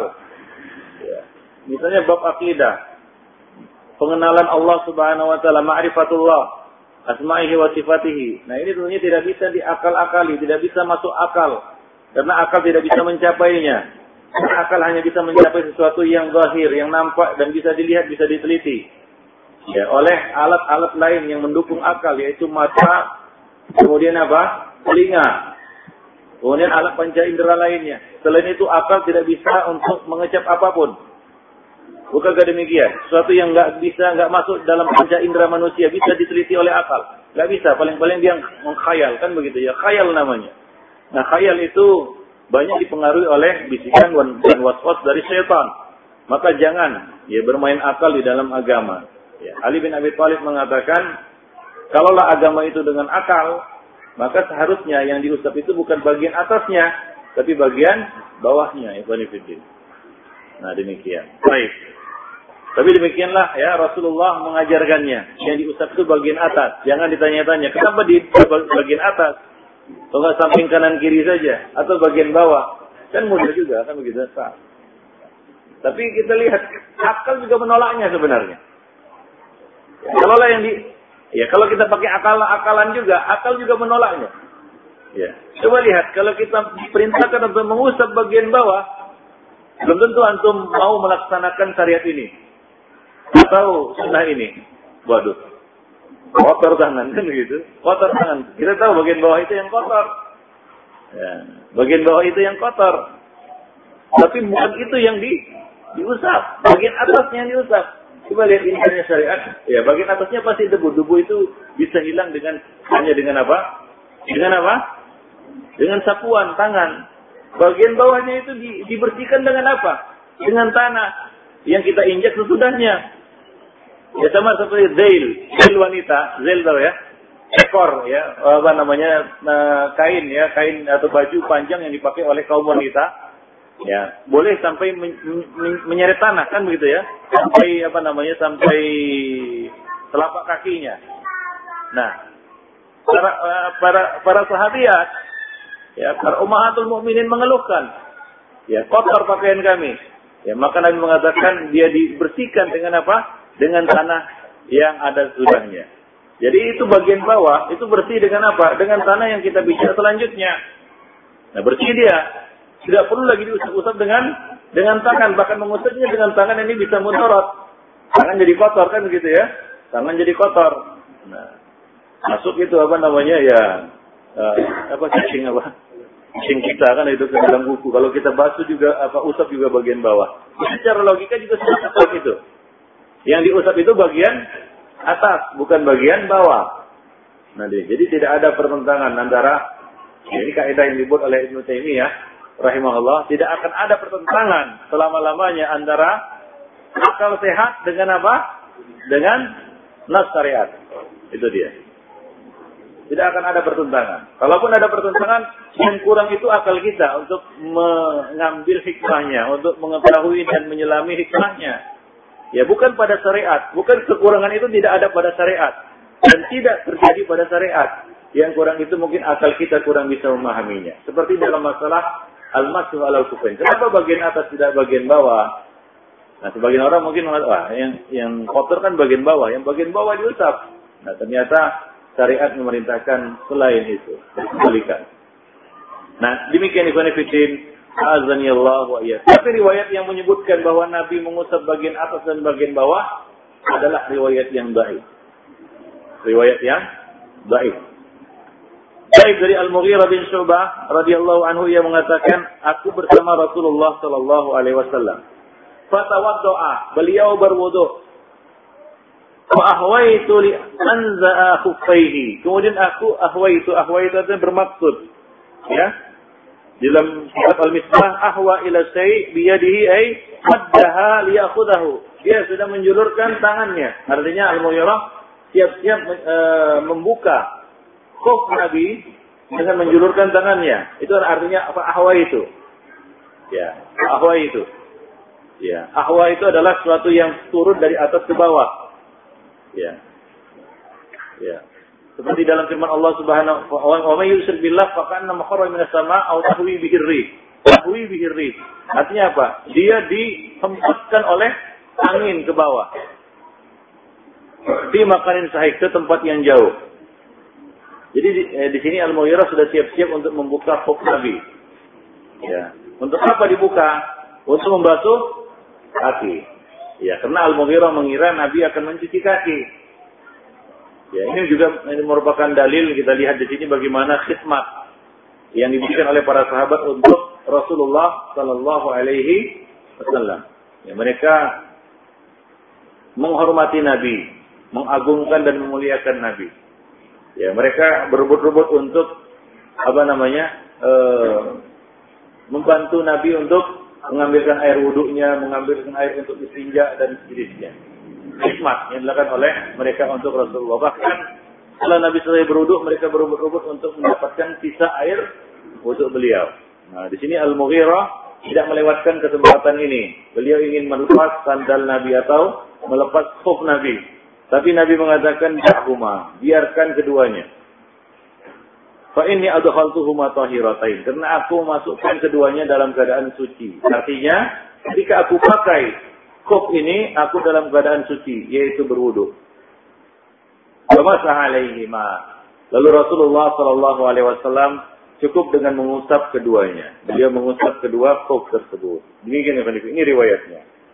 Ya, ini dalilnya ya bahwa uh, al-masmu al-kufain merupakan syariat yang dicontohkan oleh Rasulullah Shallallahu Alaihi Wasallam.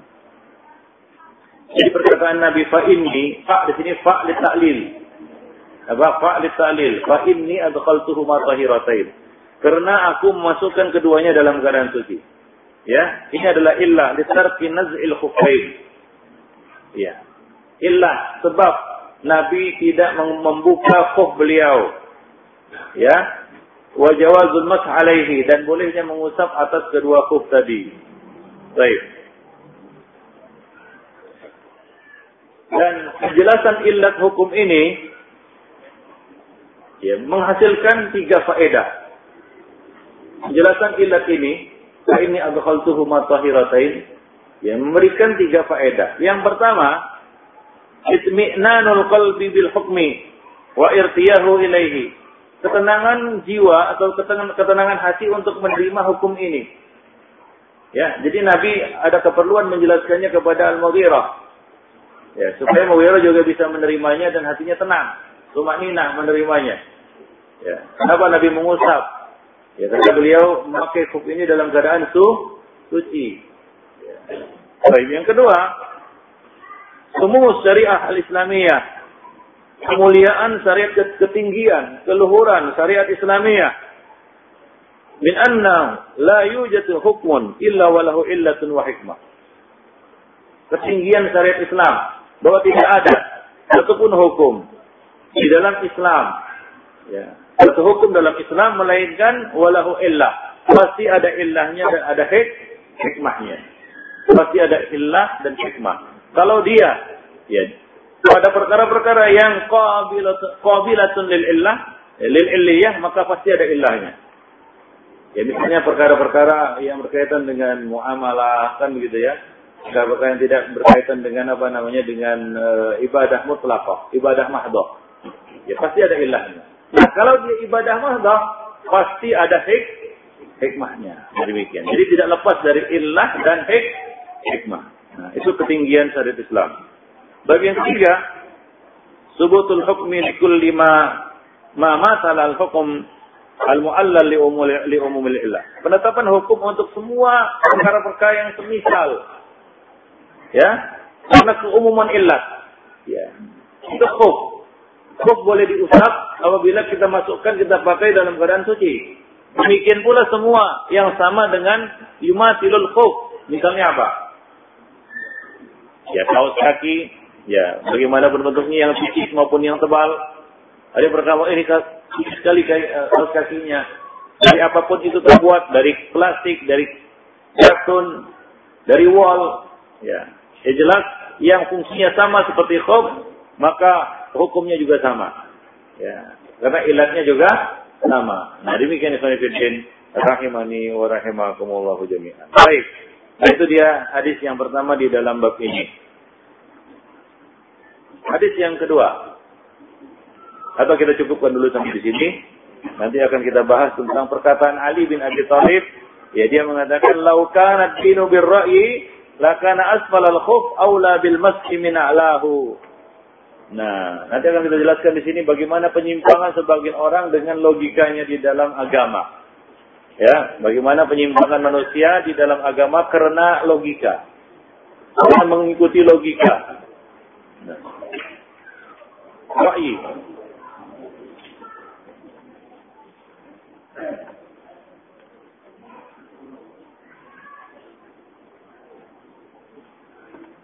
Baik, Ikhwan Fiddin, ya kita masuk sesi tanya jawab. Bagi yang ingin bertanya silakan.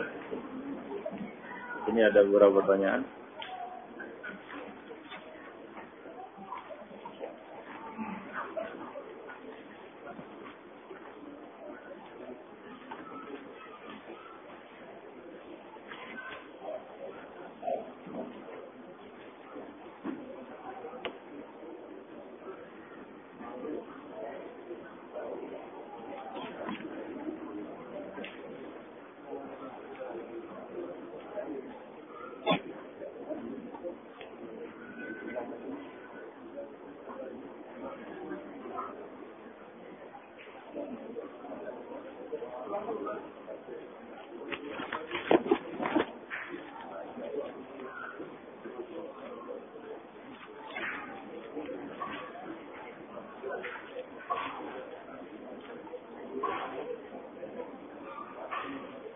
Ada yang bertanya, apakah doa sesudah wudhu itu harus angkat tangan? Ya tidak, tidak harus angkat tangan. Bahkan tidak ada syariat angkat tangan di situ. Ya, jadi tidak boleh angkat tangan karena Nabi tidak mencontohkannya dengan mengangkat tangan.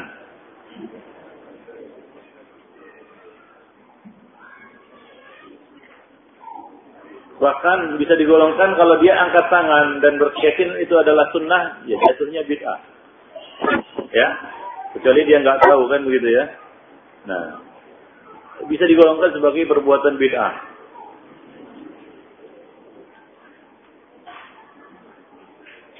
Karena doa ini bukan doa mutlak. Ini doa muqayyad. Terikat dengan kondisi tertentu. Memang ada hadis yang mutlak seperti ya apa namanya dalam ada berdoa Allah Subhanahu wa taala ya apa namanya tidak uh, tidak uh, tidak mau mengembalikan kedua tangan yang telah ya diangkat kepadanya dikembalikan dalam keadaan kosong. Ya, ada beberapa hadis yang menjelaskan ya syariat mengangkat tangan dalam doa. Memang ada hadis-hadisnya. Ya, tapi itu berkaitan dengan doa mutlak.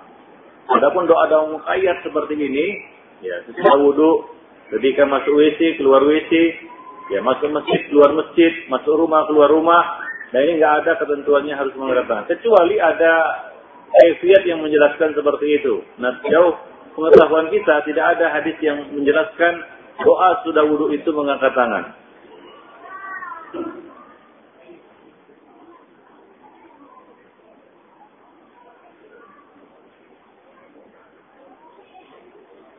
Ustaz, ketika wudhu lupa membasuhnya sudah tiga atau dua kali.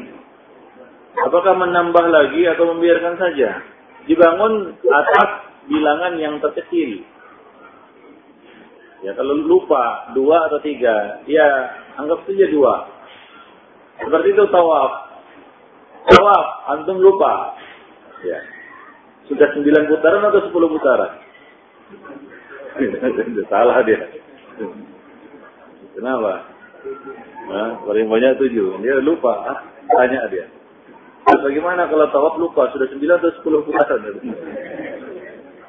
Itu bukan lupa lagi. Udah salah. Baik. Nah dia lupa. Lima atau enam? Maka apa patokannya di sini? Yang terkecil. Yang terkecil. Jika tidak ada yang roji. Antara lima dan enam. Gak ada roji dan marju. Sama seperti sholat, antum sholat lupa. Dua atau tiga. Sholat isya misalnya. Dua atau tiga rakaat. Dan gak ada yang roji dalam apa namanya dalam pandangan antum. Apa yang dilakukan? Ya, membangun atas yang paling yang diyakini. Itu dia bunyinya, kaidahnya. Yang diyakini. Al-bina'u alama tayakan. Dibangun atas yang diyakini. Nah kalau dua dan tiga, yang diyakini berapa? Dua. Ya kan? Ya jelas dua. Kalau dia lakukan dua, pasti dia dapat tiga. Tapi kalau dia dapat tiga, ya belum, belum tentu. Ya, dua dia sudah kerjakan. Maka dia ambil yang yakin saja, yaitu apa? Dua. Nah demikian. Baik. Nah demikian juga di sini kalau dia lupa tiga atau dua kali, anggap saja dua kali. Bangun di atas yang paling kecil, yang paling minimal. Adakah larangan berbicara saat berwudu? Tidak ada larangan berbicara saat berwudu ya. Ya, nggak ada larangan berbicara saat ber berwudu.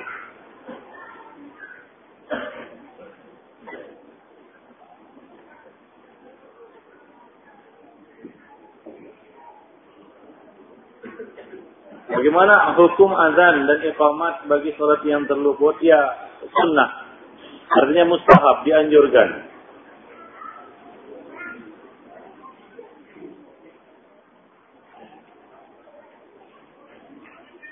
Bolehkah mengangkat tangan e, ketika berdoa selesai sholat fardu?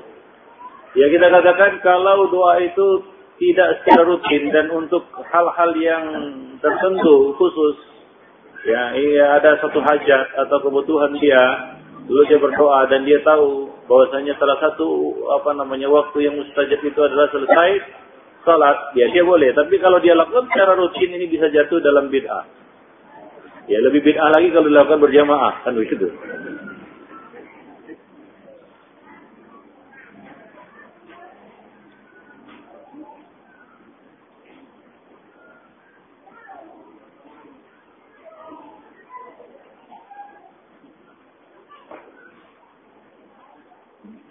Saya kesiangan sholat subuh karena ketiduran.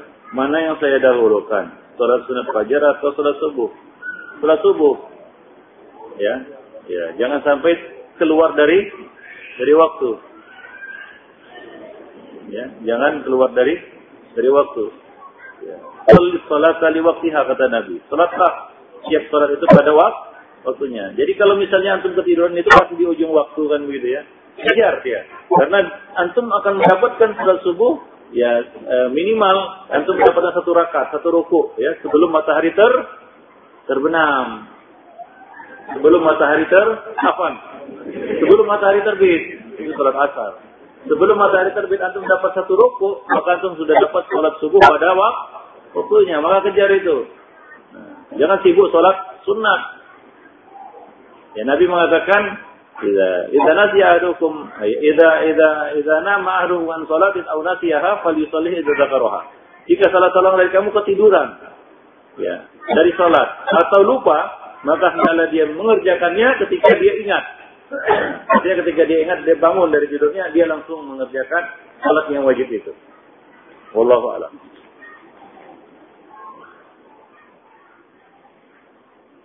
Ya kecuali kondisinya antum ketahui ya masih lama kan gitu ya. ya itu bukan ketiduran biasanya. Apa dia ya kelewatan kan gitu ya. Karena lama di WC kan begitu ya.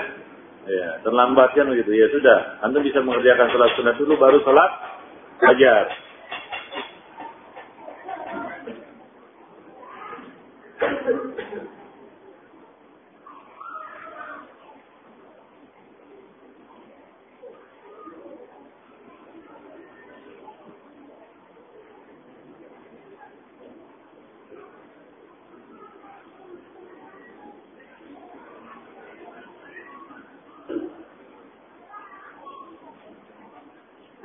Ana mau tanya masalah hukum waris. Dan juga bagaimana masalah wasiat yang diucapkan mayit sebelum meninggal. Tapi hanya bentuk lisan. Tidak memakai tulisan. Tetapi yang memberi wasiat tersebut tidak mempunyai anak kandung. Melainkan anak angkatnya. Apa maksudnya ini? Wasiat tidak boleh diserahkan kepada ahli waris. La wasiat ahli waris. Tidak boleh wasiat diberikan kepada ahli waris. Dan wasiat tidak boleh lebih dari sepertiga harta. Kalau dia berikan wasiat, kalau dia nggak ada anak anak anak kandung, ya mungkin dia punya ahli waris yang lain. Misalnya apa? Ya, ayah ibu kan begitu ya. Ya. Pasti dia mungkin dia punya ayah ibu yang masih hidup kan begitu ya. Kalau dia tidak punya anak kandung atau dia punya istri, ya, dia punya istri, dia punya ayah ibu, dia punya saudara-saudara, ya. Banyak pasangan yang mandul, yang tidak punya punya anak, mati kan begitu nggak punya anak kandung. Yang ada anak angkat, anak angkat ini nggak termasuk angk anak. Namanya aja anak angkat kan dari anak diangkat-angkat. Nggak ada statusnya. Ya, statusnya ya kita mengasuh pengasuhan anak yang diasuh oleh kita. Ya, hidonahnya jatuh ke tangan kita. Ya, nasab dan nisbatnya tetap harus dinisbatkan kepada orang tuanya. Baik. Nah, jadi kalau dia tidak punya ahli waris, ya, anak di sini tanya anak kandung, apakah dia punya ahli waris yang lain? Ya. Kalau dia punya ahli waris yang lain, ya diserahkan dulu kepada ahli waris yang lain. Nah, adapun wasiat, kepada anak tiri, itu boleh. Tapi jangan lebih dari seper, sepertiga dari harta itu. Wallahu alam bisawab. Nah, jadi kondisinya, Allah alam dari pertanyaan ini, orang ini nggak punya anak, ya, nggak punya anak kandung, ya kemungkinan dia punya istri atau dia punya suami karena dia mengharapkan anak kan angkat anak anak angkat apa mengangkat anak lagi kan begitu ya. Nah ada dua kondisi dia nggak punya ahli waris yang lainnya juga. Dia tidak mati yang ada hanya anak angkatnya aja. Ya, dan apa? Ya. Dan mungkin apa namanya cari kerabat yang bukan ahli waris. Nah, di sini ada hukum tertentu ya Ya. Wasiat ya tidak boleh diberikan kepada ahli waris. Nah, dalam hal ini kalau diberikan wasiat kepada anak angkatnya ini boleh. Tapi tidak boleh lebih dari seper sepertiga. Nah, jika dia sudah dia tidak punya apa-apa, dia tidak punya ahli waris sama sekali, yang ada hanya anak angkatnya. Dan anak angkatnya itu sudah diberi wasiat. Sepertiga. Sisanya ke mana? Nah, para ulama berbeda pendapat. Ada yang mengatakan sisanya ke Baitul Mal. Untuk kemaslahatan kaum muslimin. Sebagian mengatakan kepada Zawil Arham. Ini kerabatnya yang jauh. Nah, ada ketentuannya di dalam hukum waris. Mungkin agak panjang dijelaskan di sini. Baik.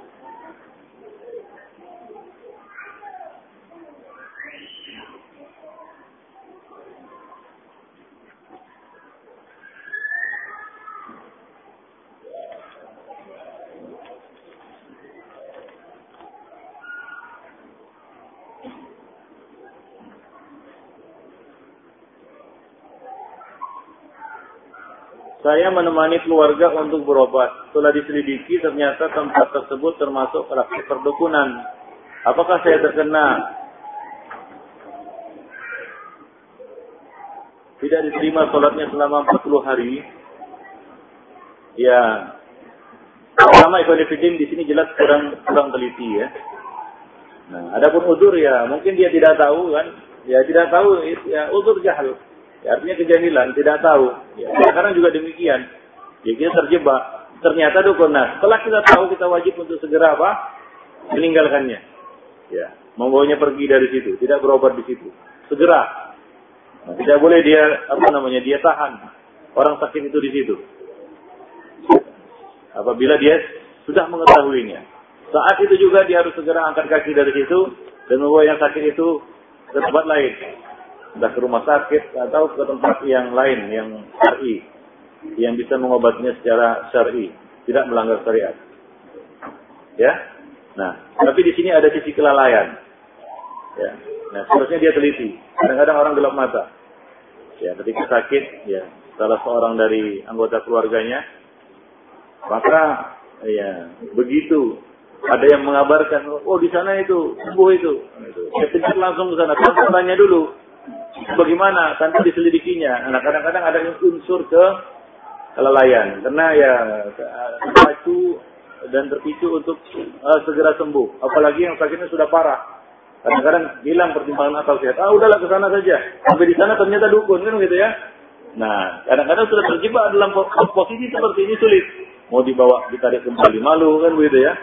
Nah, atau sudah apa namanya bayar uang muka lagi, pendaftaran kan sudah masuk namanya kamar periksa, ternyata dukun. Nah, karena sulit untuk untuk keluar dari situ. Nah, jadi seharusnya kita apa namanya meneliti lah, teliti, ya, karena ketelitian itu penting, Konfidin, ya. Ketelitian itu penting, apalagi di dalam bab berobat ini. Di malam kita sudah jelaskan, oh, berobat ke jawab ke apa ruknya ke tempat-tempat apa? Mereka. Ya, tentu saja ini tidak apa namanya? Ya, ya tidak boleh gitu. Ya, orang tarekat itu, ya, orang tarekat itu dia dia juga nggak ngerti syarat-syarat rukyah. Ya. Kadang-kadang juga dia mencampurinya dengan bid'ah. Ya, syukur-syukur kalau hanya bid'ah. Kalau syirik bagaimana? Lebih kacau lagi kan? Jadi harus teliti di dalam bab ini. Jangan kita gelap mata dan jatuh dalam perkara-perkara yang besar. Ya seperti syirik. Allahu a'lam bishawab. Nah, berkaitan dengan membuka praktek-praktek rukyah, ini para ulama juga pernah ditanya, ya Syekh uh, Musa Ali Nasr pernah ditanya, jawabannya tidak boleh.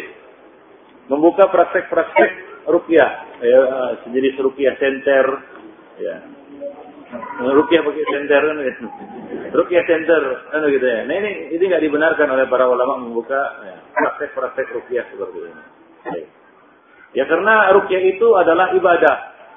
Harus dilakukan dengan ikhlas. Ya. Jadilah rukyah yang mukhlis kan begitu ya. Yang tidak bisnis oriented, mur murni bisnis gitu ya. Nah, kadang-kadang juga bacaannya juga karena nggak ikhlas, nggak ada pengaruhnya. Baik, wallahu a'lam.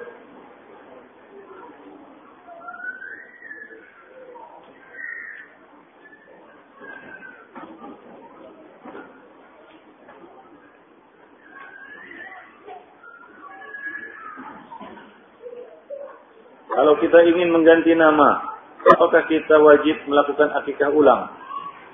Ya tidak perlu, mengganti nama ganti nama aja. Sudah sering Nabi mengganti nama orang. Ya, para, para, para sahabat, sahabiah kan begitu ya. Tapi tidak ada disebutkan ya Nabi menyuruh mereka menyembelih kambing. Ya, sebagai apa namanya? Sebagai upah ganti nama. Tidak ada. Jadi tidak perlu dia meng, mengakikahi ulang dirinya apabila dia mengganti namanya. Nah, demikian ya Pak Baik.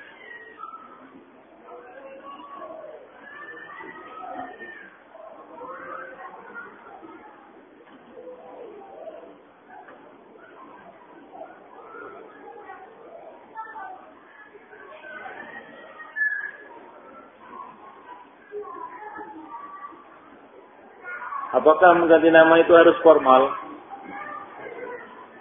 Atau non formal? Formal artinya apa? Nama di KTP juga berubah. Apakah tidak perlu itu? Nah, kadang-kadang ada namanya nggak bagus kan gitu ya. Nah, namanya misalnya apa? Oh, apa? Iya. Nama Islami lah, jangan nama kayak gitu. John Akbar misalnya. Jan Akbar kan gitu. Akbar kan itu kan ya eh, satu yang nah, kemudian dia ingin ganti nama, digantinya. Ya. Ya. Jadi Yunus Mahmud kan gitu.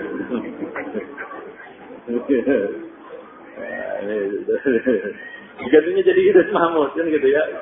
Dan Akbar digantinya jadi Yunus Mahmud. Nah, tapi secara non formal artinya ya sehari-hari dia sudah dipanggil Yunus. Bukan lagi John, kan begitu ya? Ya. Dari ganti jadi Yunus, tapi KTP-nya tetap John Pantau gitu. John Pantau. Tetap John Pantau dia, atau John John Akbar tadi. Nah, gimana itu? Sudah cukupkah itu atau belum? Hah? Sudah cukupkah itu atau belum? Ya kita katakan Ivan Ifidin dalam waktu ini, kalau dia bisa menggantinya secara formal juga, artinya berubah semuanya, ya silakan. Tapi kalau sulit, ya itu tidak mengapa. Ya cukup dia ganti panggilannya sehari-hari. Ya, dia ganti namanya, ya dengan nama yang tapi kalau bisa dia rubah, ya karena untuk merubah nama tentunya ya ijazah apa semua itu agak ribet. Ya, ya apalagi kalau masih anak-anak sih enak. Ya, belum ada apa nih banyak surat yang keluar. Tapi kalau kita banyak surat itu lah, surat kendaraan, surat rumah, surat ini harus rumah semua kan kacau. Nah itu.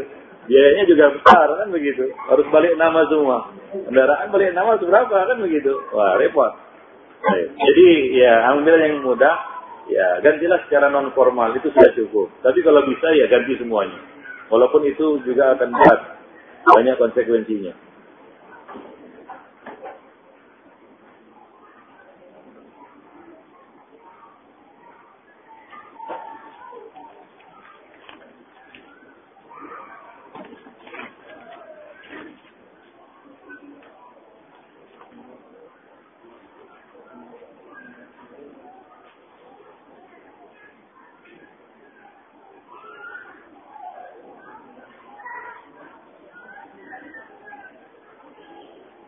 Bolehkah kita meminta ramuan tradisional pada seorang dukun beranak?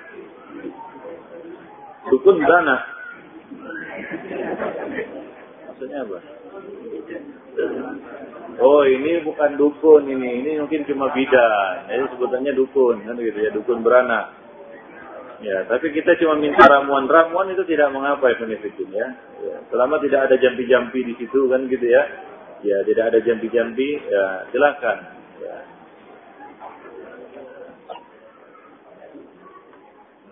Dan juga berkaitan dengan ramuan ini, Fanifidin. Satu, ya, e, kalau antum nggak punya ilmu, jangan coba-coba. Kasih resep ini, campur ini, ini, ini, ini dioblos, ini dioblos, ini, akhirnya menjadi racun. Kan, gitu. Nabi mengatakan mantap baba. Ya. Ya. Bahwa dominun. Orang siapa yang tatap baba, tatap, tatap baba artinya. Berpura-pura jadi tabib, berlagak jadi tabib gagal, maka dia domin. Dia bertanggung jawab. Ya. Bisa diusut secara hukum gitu. Iya, kalau dia kasih ramuan ini ini ternyata kok itu orang jion istilahnya kan. Jion dia kata orang-orang juga. Ya, Ma mati dia karena minum ramuan itu. Dicampur ini, dicampur ini, dicampur ini. Dia nggak punya ilmu. Nggak ada ilmunya. Ya, atau misalnya bukan mati. Misalnya apa? Malpraktek lah. Oh, rusak kulitnya. Rusak kulitnya. Bagaimana? Fawa dominun. Maka dia bertanggung jawab. Nah demikian yang Fiddin. Azani Allah wa Nah kita yang sangat menyedihkan ya. Sekarang ini ya dunia kedokteran kita. Ya. Sekarang ini para dokter juga sudah tatap baba. Ya pura-pura bodoh jadi dokter kan begitu ya. Nah kadang-kadang kita sakit dikasih resep. Ya obatnya itu kadang-kadang nggak ada kaitannya dengan penyakit. Kenapa? Karena dokternya jual obat. ya kan? Jual obat rupanya. Ya enggak udah udah di sudah dia apa namanya? Sudah dikejar target dia. Ya, harus jual obat ini sekian, obat ini ya dalam jumlah sekian dalam waktu sekian. Ya, mobil sudah di rumah kan begitu. Bagaimana? Terpaksa lah yang ya diuangkan kepada pasien gitu itu kurang ajarnya dibebankan kepada pasien. Ya, karena kadang sudah ada kontrak dengan rumah sakit yang enggak harusnya enggak apa jadi opname. Yang harusnya enggak operasi jadi operasi. Nah ini rusaknya moral sebenarnya peneliti. Nah malu kita dengan apa? Dengan orang-orang kafir. Ya, yang bisa melakukannya secara profesional. Ya, ini yang sedihnya kita ya, yang seperti itu ya dokter yang berlabel Islam pula kan begitu ya. Nah, ya itulah konfidin. Ya, Nabi mengatakan man baba. Barang siapa yang berpura-pura jadi tabib atau berlagak jadi tabib. Ya. Nah kalau dia memang bukan tabib lalu berlagak jadi tabib, sudahlah maklum lah kan begitu ya. Nah ini yang parah kan benar-benar tabib tapi apa? Ya, tidak seperti tabib. Ya. Dia dokter DR kan begitu ya, tapi bukan DR. Kan begitu, bukan DR. Baik. Jadi hati-hati. Ya uh, bagi yang uh, kalau antum kelas handling kan gitu ya. Atau yang memang ada ilmunya. Ya memang antum punya. Sekarang kan herbal juga ada sekolahnya. Ada apa namanya ada jurusannya. Ya ada jurusannya bukan sembarangan gitu ya. Wah belajar ada bukunya masuk kuliah kan begitu ya. Jadi memang betul-betul apa namanya uh, profesional dan memang uh, bertanggung jawab kan gitu ya. Tanggung jawab dia. Baik. Nah berapa banyak kalau kita dengar di Jawa itu kan mati kena ramuan gitu ya. Sebenarnya banyak kasus cuma nggak dilaporkan itu dia. Yang malpraktek kan gitu ya. Gara-gara minum ramuan ini ramuan ini tiba-tiba apa? ya tiba-tiba ya uh, rusak kulitnya ya, atau efek samping yang lain. Nah,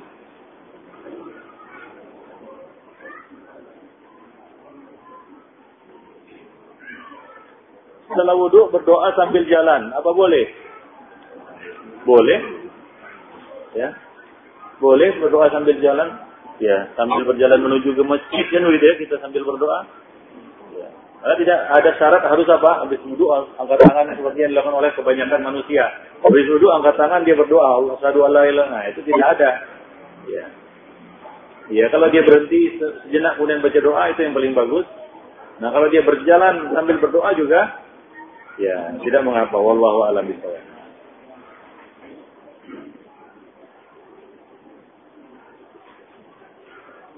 Saya masih menyimpan foto-foto pernikahan saya.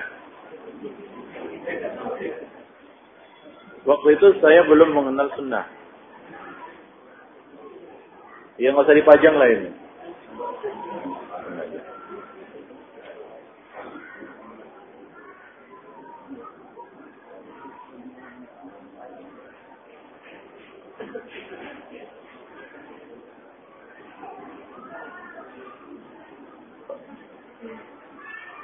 Nah, ada yang bertanya, ya inti dari pertanyaannya adalah jika seorang musafir bermakmum di belakang orang yang mukim, apakah dia juga kafar atau dia itmam?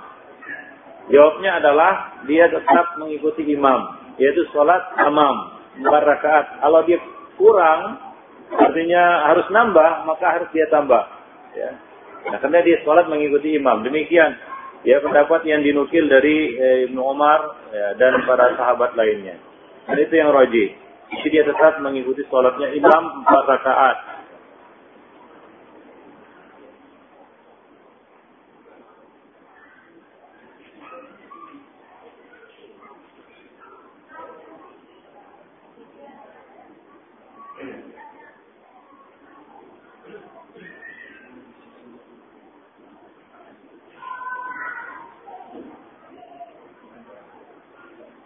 Ya, kira-kira sampai di sini dulu Ivan Fidin. Ada beberapa pertanyaan yang hampir sama ya dengan yang ditanyakan.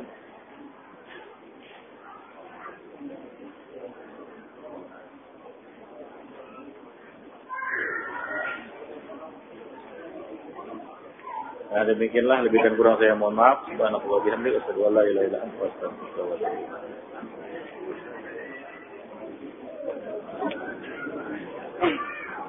yang